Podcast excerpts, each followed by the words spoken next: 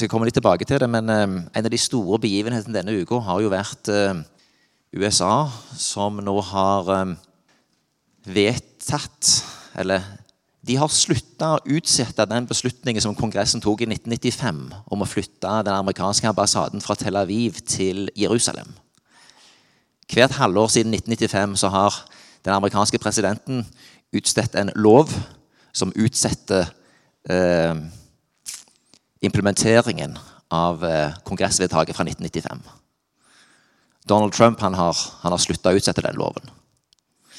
Eh, det er veldig interessant å se på eh, det som skjer i verden. Og vi skal komme litt tilbake til det. Fikentreet. Hva er det et symbol på? Se på fikentreet, sier Jesus. Det er ganske mange henvisninger i Bibelen til fikentreet. Det er jo ikke så rart, for det var et veldig vanlig tre i, uh, i uh, Israel. Men uh, vi kan lese bl.a. fra Jeremia kapittel 24. Herren lot meg se dette syn. To kurver med fiken var stilt opp foran Herrens tempel. Det var etter at babylonerkongen Nepukadneser hadde tatt Judas konge Jekonia, sønn av Jojakim, sammen med høvdingen i Juda, håndverkerne og smedene, og førte dem bort fra Jerusalem til Babylon. I den ene kurven var det meget gode fikener, like gode som tidlige fikener. I den andre kurven var det meget dårlige fikener, så dårlige at de ikke kunne spises. Herren sa til meg, Hva ser du, Jeremia? Jeg svarte, Fikener. De gode fikene er meget gode, og de dårlige er meget dårlige og kan ikke spises. Da kom Herrens ord til meg, og det lød. Så sier Herren Israels Gud. Like som man ser på disse gode fikene, slik ser jeg med velvilje på de bortførte fra Juda, som jeg sendte herfra til kaldeernes land. Jeg retter blikket vennlig mot dem og fører dem til, tilbake til dette landet. Jeg vil bygge dem opp og ikke rive ned, plante dem og ikke rykke opp. Jeg vil gi dem et hjerte så de kan kjenne meg og forstå at jeg er Herren. De skal være mitt folk, og jeg vil være deres Gud når de vender om til meg av hele sitt hjerte. Men slik som en gjør med dårlige fikener, så dårlige at de ikke kan spises, sier Herren, vil jeg gjøre med judakongen Sitkia og hans høvdinger og resten av innbyggerne i Jerusalem, både de som er blitt igjen her i landet, og de som nå bor i Egypt. Jeg gjør dem til et skremmebilde og en ulykke for alle riker på jorden til en vanære og et ordtak, et spottord og en forbannelse på alle de steder jeg driver dem bort til. Jeg sender mot dem sverd, hunger og pest. De blir utryddet fra den jord jeg, den jord jeg gav dem og deres fedre. Disse versene fra Jeremia oppsummerer veldig sterkt eh, hvordan Gud har handla med sitt folk. I Gamle testamentet så ser vi at Gud velger seg et folk. Dette folket venter etter hvert på Messias. De er i forventning, men samtidig er det et troløst folk som rett som det vender seg bort fra Gud. Dette taler også til oss. Fordi midt i det å være Guds folk, så går det an å være troløs. Og eh, Gud forteller her at han på ene sida vil fornye pakten sin med de som eh, holder seg til han. Eh, samtidig så er han eh, tydelig på at de som ikke holder han som herre, selv om de er hans folk i det ytre, de har han ikke spesielt sansen for. I Hosea kapittel 9 vers 10 kan vi også se som druer i ørkenen fant jeg Israel. Som tidlig frukt på det unge fikentre valgte jeg ut deres fedre. Men da de kom til Baal Peor, viet de seg til den avskyelige guden og ble ufyselige som sin elsker. Så må vi ta med noen vers fra Matteus. Det er Jesus som ser på et fikentre. Matteus 21, fra vers 18. Da han tidlig neste morgen var på vei inn til byen, ble han sulten. Han fikk se et fikentre like ved veien og gikk bort til det, men fant ikke annet enn blad. Da sa han til treet, aldri mer skal du bære frukt. Med det samme visnet treet. Disiplene undret seg på det de så spurte hvordan kunne treet visne plutselig. Jesus svarte dem, sannelig jeg sier dere, dersom dere tror og ikke tviler, skal dere ikke bare kunne gjøre det som jeg gjorde med fikentreet. Om dere sier dette til fjellet, løft deg og kast deg i havet, så skal det skje. Og alt dere ber om i bønnen deres, skal dere få, om dere ber med tro.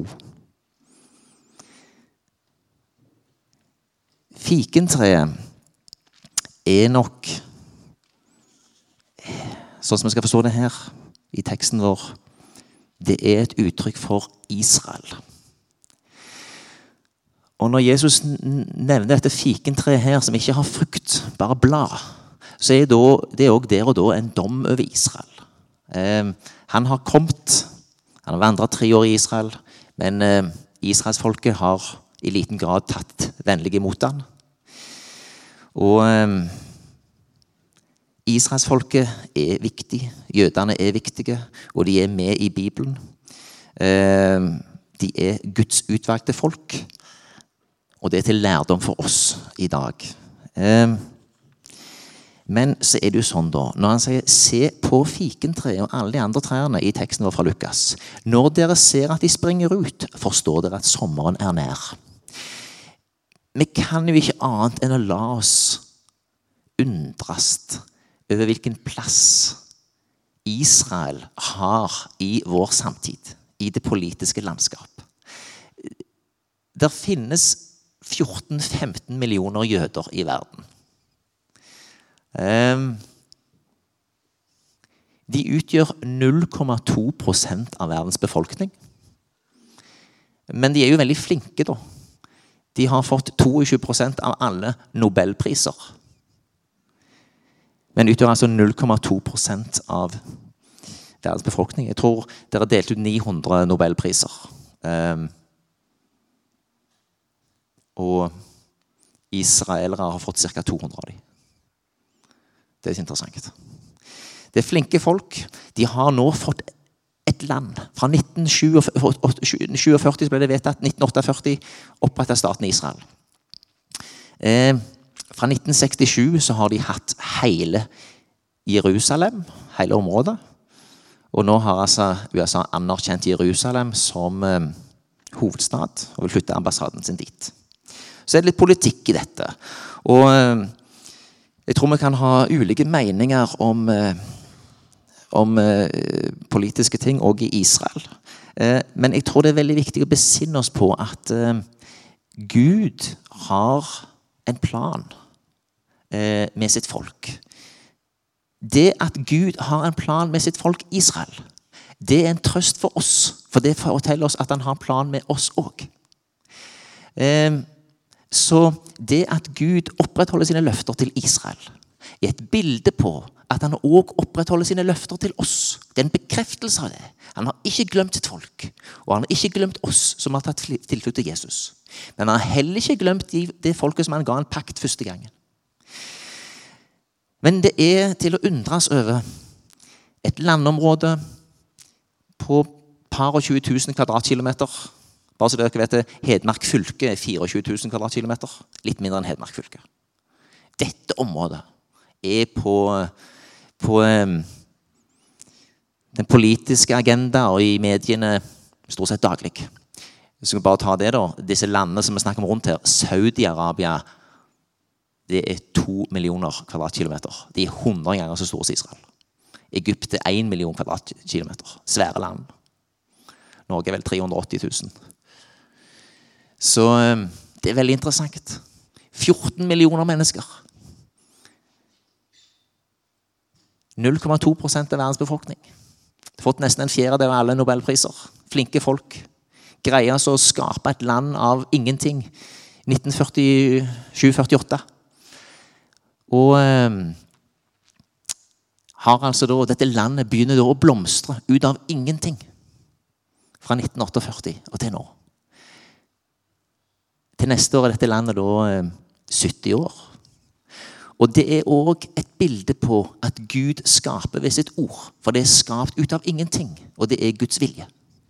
Derfor er det så viktig at vi besinner oss på det som Jesus her sier. Se på fikentreet og alle de andre trærne. Når dere ser at de springer ut, forstår dere at sommeren er nær.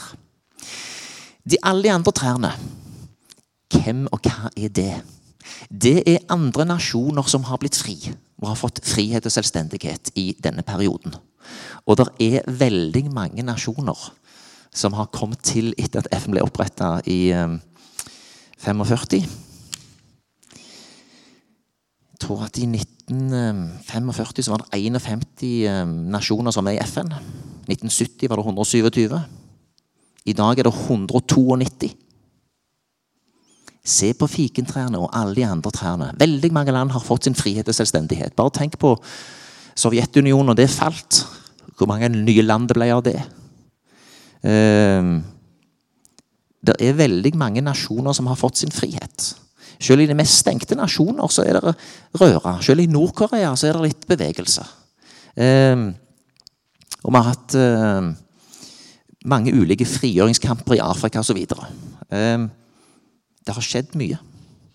Det er som om hele verdenssamfunnet på et eller annet nivå forbereder seg. Det er en slags frigjøringsprosess som er en forløper til den store frigjøringsprosessen når uh, han kommer, han som skal gjøre alle ting nye. Derfor gjør vi vel i å se på Israel og de andre trærne. Men Israel har en spesiell posisjon, og det er nokså lett å følge. Når dere ser at de springer ut, forstår dere at sommeren er nær. Slik skal dere også, når dere ser at dette skjer, vite at Guds rike er nær. Mange blir urolige i disse tider. Men som kristne så skal vi bare se at eh, Guds løfter er i ferd med å oppfylles. Guds ord er sant. Vi får oppleve å se at ting eh, skjer rundt oss. Og eh, vi er altså da i eh, Vi lever i utrolig interessante tider. Når dette er sagt jeg tror òg det går an å bli veldig fokusert på disse tingene på en måte som kan være usunn. For det er ingen av oss som blir frelst av å ha de korrekte meninger om Israel. Eller om uh, andre emner. Om det er om hva Bibelen sier om homofili eller abort. Vi må forstå at vi er forhutlede syndere som trenger å møte den ene sanne frelseren. Vi trenger å møte Jesus Kristus. Det er han vi skal venne oss til. Samtidig er det trosstyrkende å kunne følge med på det som skjer. Jeg tror vi må ta med dette som går på um, når, når Gud er så tøff med israelsfolket så tror jeg altså at eh, vi må ta inn over oss at han er også tøff med sitt folk. Eh, vi leste den teksten her i Matteus, så står han altså Han fikk se et fikentre like ved veien og gikk bort til det, men fant ikke annet enn blad. Han fant ikke annet enn blad. Han fant altså ikke fiken. Han fant altså ikke frukt. Dette er òg et ord til oss. Eh, og dette er et ord til oss i den tid vi lever i nå. For jeg tror vi kan si at vi ser tydelige tegn på at Gud er i ferd med å utfolde sin plan. Vi kjenner ikke dagen eller timen, om det er i, i vår tid eller at vi får oppleve det, eller lenger fram. Men eh, det som da blir spørsmålet, er jo om det er liv i meg, om jeg har røtter. Om eh, og mitt trosliv er vanna og næra på en måte som gjør at det bærer frukt. Det tror jeg er en veldig viktig ting å ta med seg. Og ikke tenke om dette med Israel som noe som angikk Israel. Men det angår oss. For vi er Guds folk. Og vi må ta inn over oss at Gud feller en dom over de som i det ytre ser ut til å ha det greit, men som ikke bærer frukt. Og det tror jeg vi på ulike vis må ta inn over oss. Og så må vi be Gud ydmykt om å ransake oss. Ved sin ånd røre ved vår samvittighet, slik at vi ser vår sak sant. Hvor vi er. Um,